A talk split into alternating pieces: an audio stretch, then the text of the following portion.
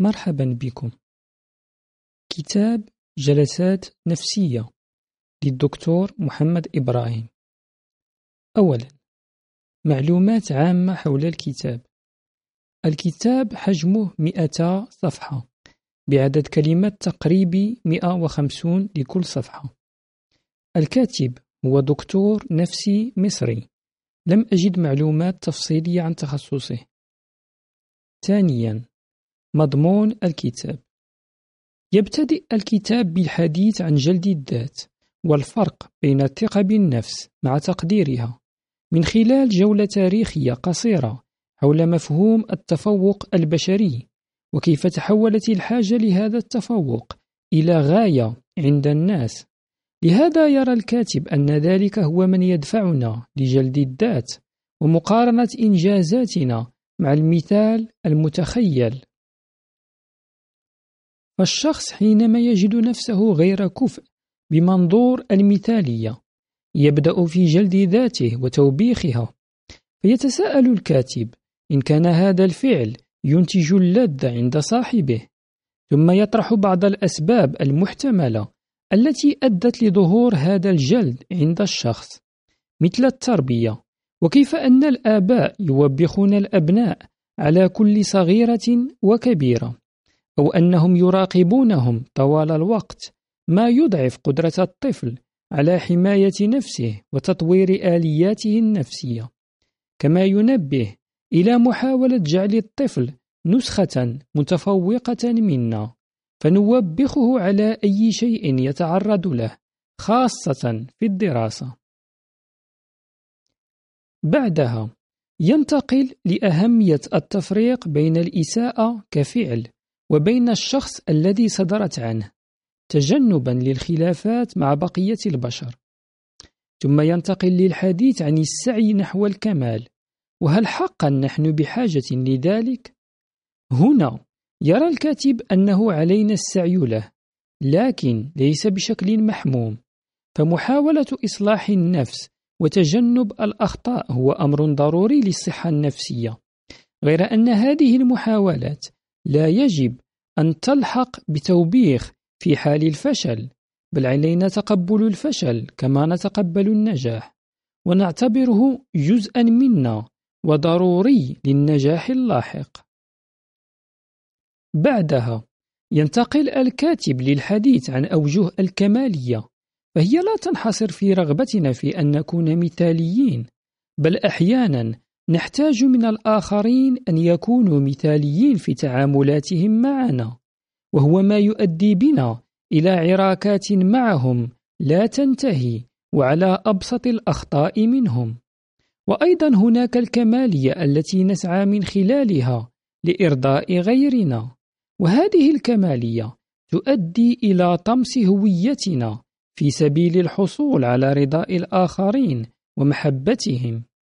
ويوضح الكاتب أن هذه الكمالية خطيرة على نفسية الشخص وتدفعه لتأنيب نفسه وجلدها باستمرار. كالطفل الذي يحاول جاهدا أن يكون متفوقا على الدوام لأجل عائلته وليس لأجله هو.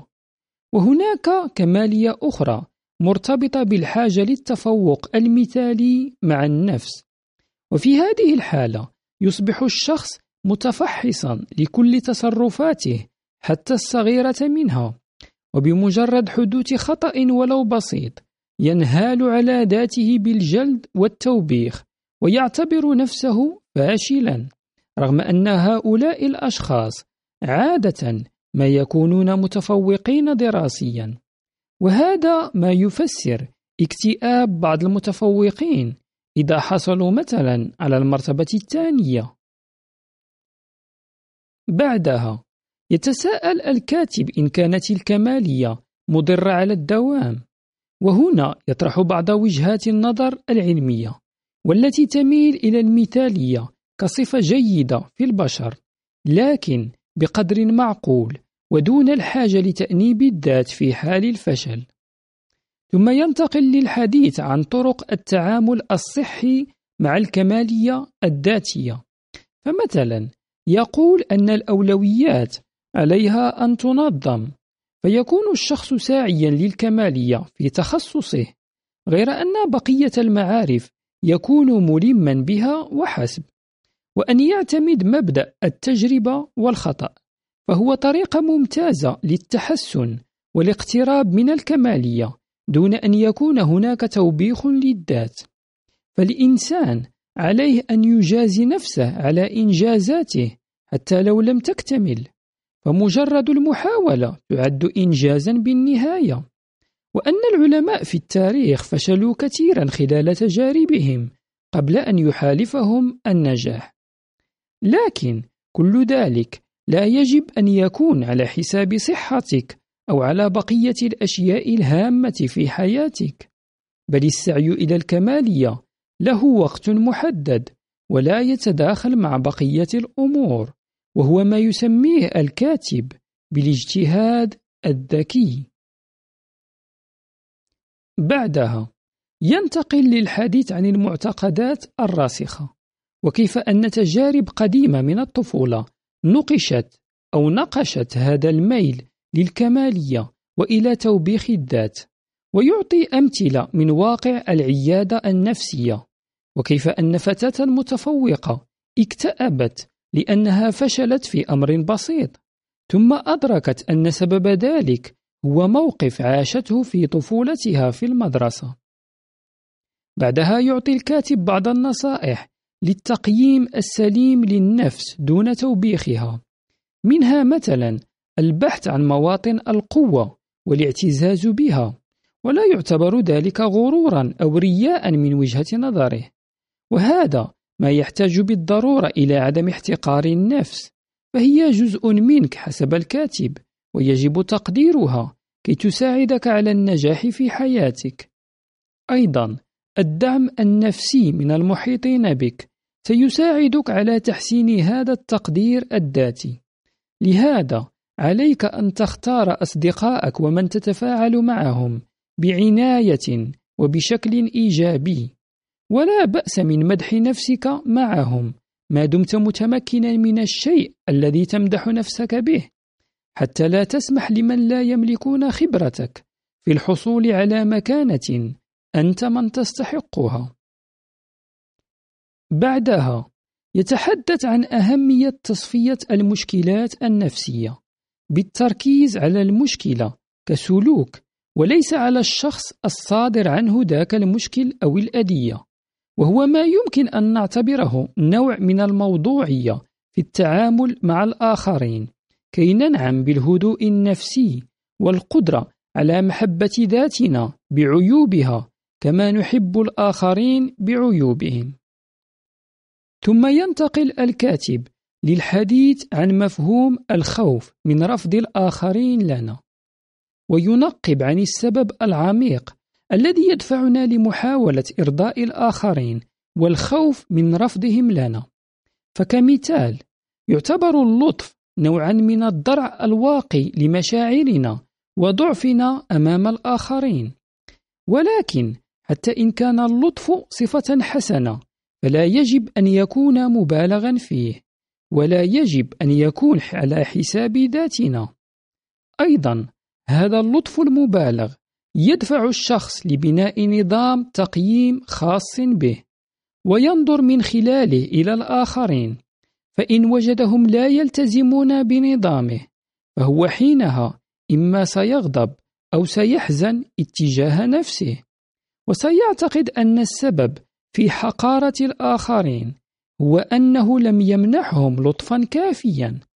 وهكذا يزداد خضوعه وتزداد تحرشات الآخرين عليه واستغلالهم له. وهنا يتطرق الكاتب إلى البعد الديني للقضية ويعطي أمثلة تشجع على الموازنة بين اللطف وبين الشدة. وهذه الشدة لازمة في أحيان كثيرة. فالحياة ليست جنة بالنهاية والبشر ليس كلهم أخيار.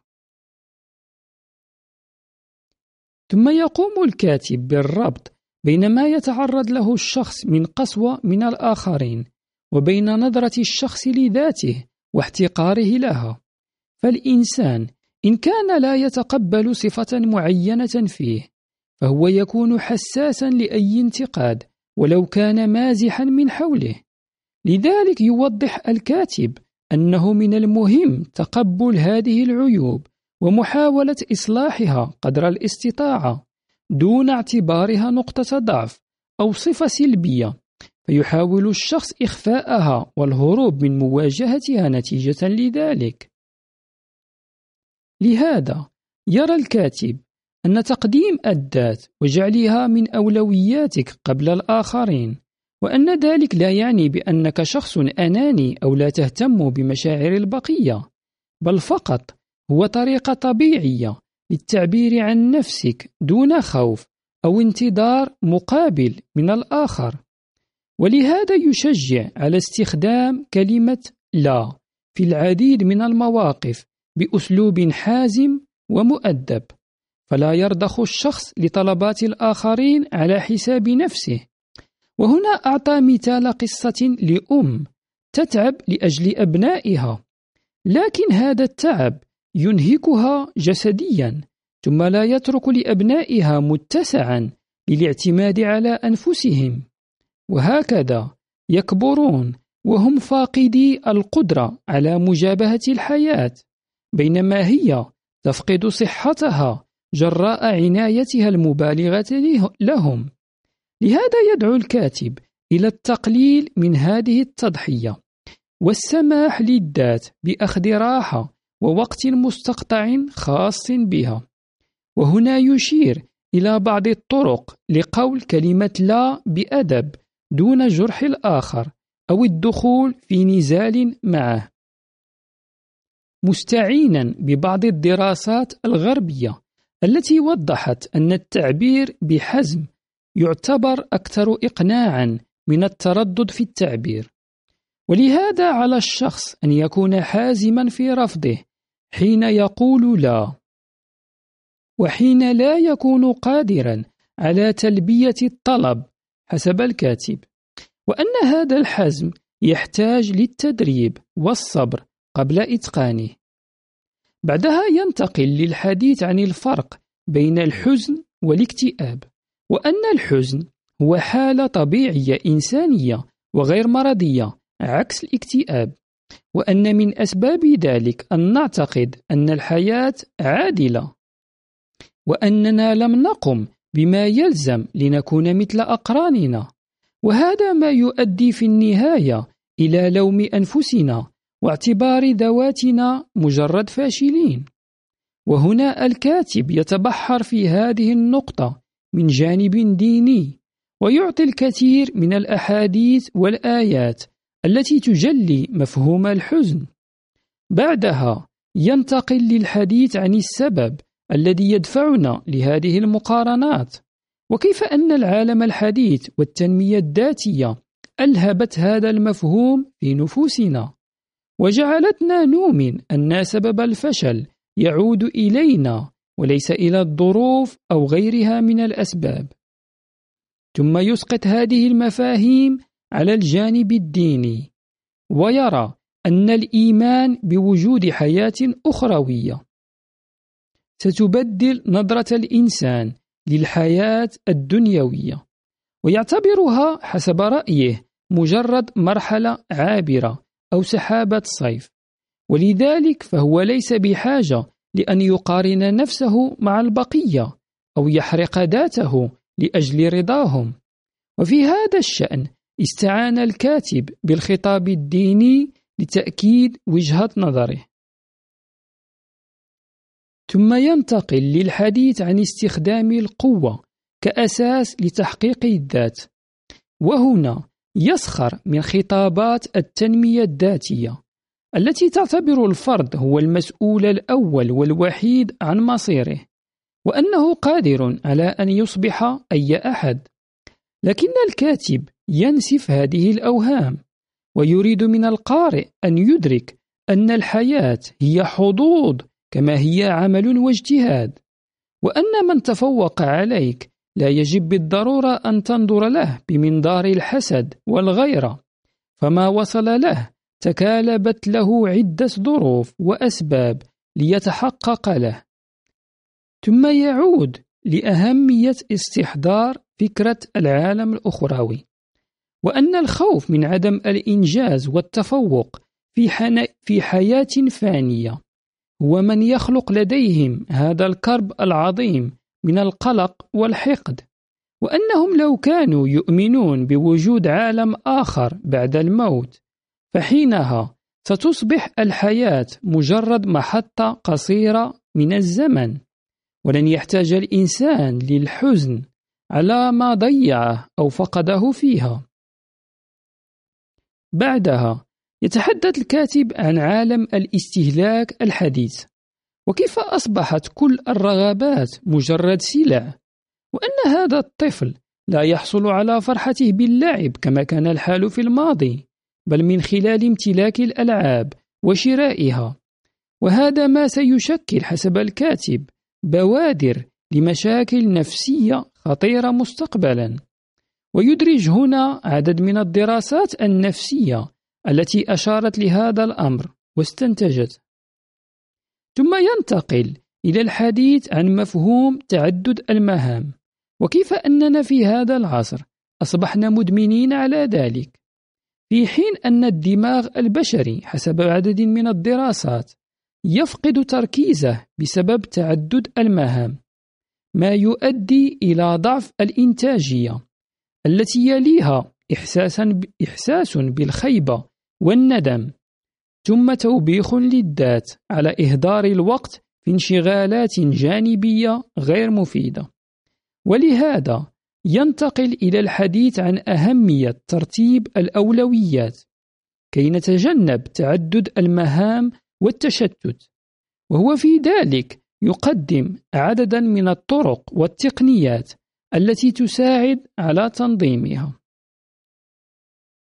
ثم ينتقل للحديث عن الإرادة. وكيف أن للإرادة طاقة محدودة؟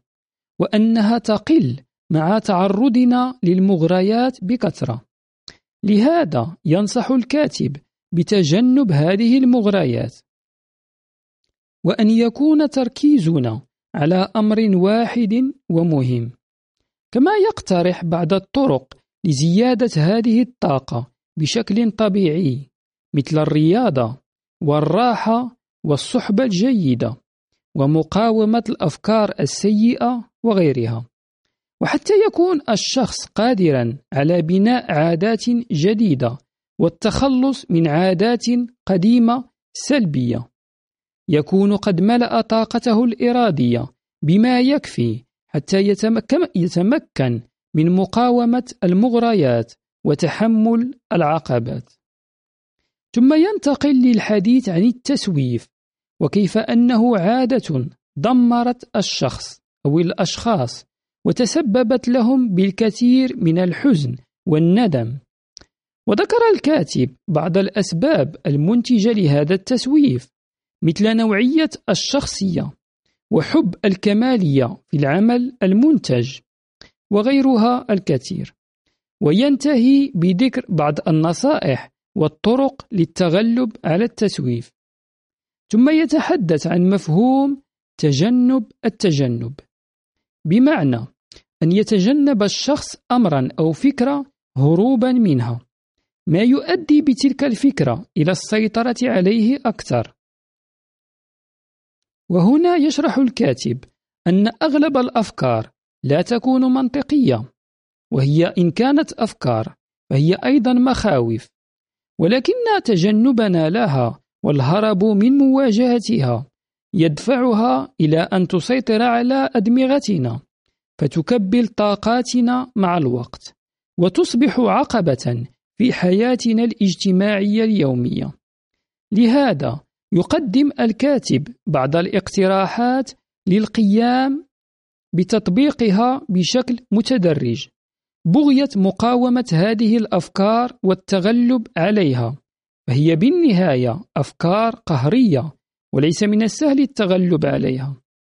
ثم يتطرق لأهمية العادات في حياتنا والعادات الإيجابية بالتحديد وأن الشخص لا يجب أن يهمل عاداته أو هواياته حتى لو كانت بسيطة فتلك البساطة هي من تخلق المعنى في حياته وما دام متمسكا بعاداته فسيحس بالرضا عن نفسه.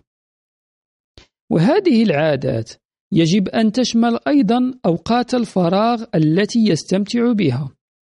علما أن وقت الفراغ يجب أن يقسم بدقة حتى يكون مفيدا لصاحبه وينعكس على إنتاجيته وقت العمل. وهذا ما يتطلب توازن في إدارة المهام والاهتمامات. فلا ينهمك في العمل وينسى حياته الخاصة مثلا بل أن يوازن بين الجميع. والموازنة هنا ستؤدي بالشخص إلى أن يعيش حياة صحية وهادئة ومنتجة. ثم ينتقل للحديث عن القلق والتفكير المبالغ فيه. وكيف أن الشخص يضخم المخاوف اتجاه المستقبل؟ فيعيش في قلق دائم في الحاضر. وهنا يستحضر الكاتب البعد الديني من جديد وأن المستقبل مرتبط بالغيبيات ولا يجب أن يقلق المؤمن على مصيره أو غده. كما يشرح الفرق بين القلق المرضي والقلق الطبيعي وأن الطبيعي يعتبر صحي ومطلوب في بعض المواقف. وهو جزء من شخصية الإنسان المسؤول. ولكن لا يجب أن يتجاوز حدا معينا فحينها يتحول إلى قلق مرضي. وهنا يطرح الكاتب جزءا من قصة حياته. قصة معبرة ومرتبطة بمحتوى الكتاب وبذلك ينتهي الكتاب. إذا أعجبكم هذا الكتاب تجدون رابط الاستماع له في الأسفل في صندوق المعلومات.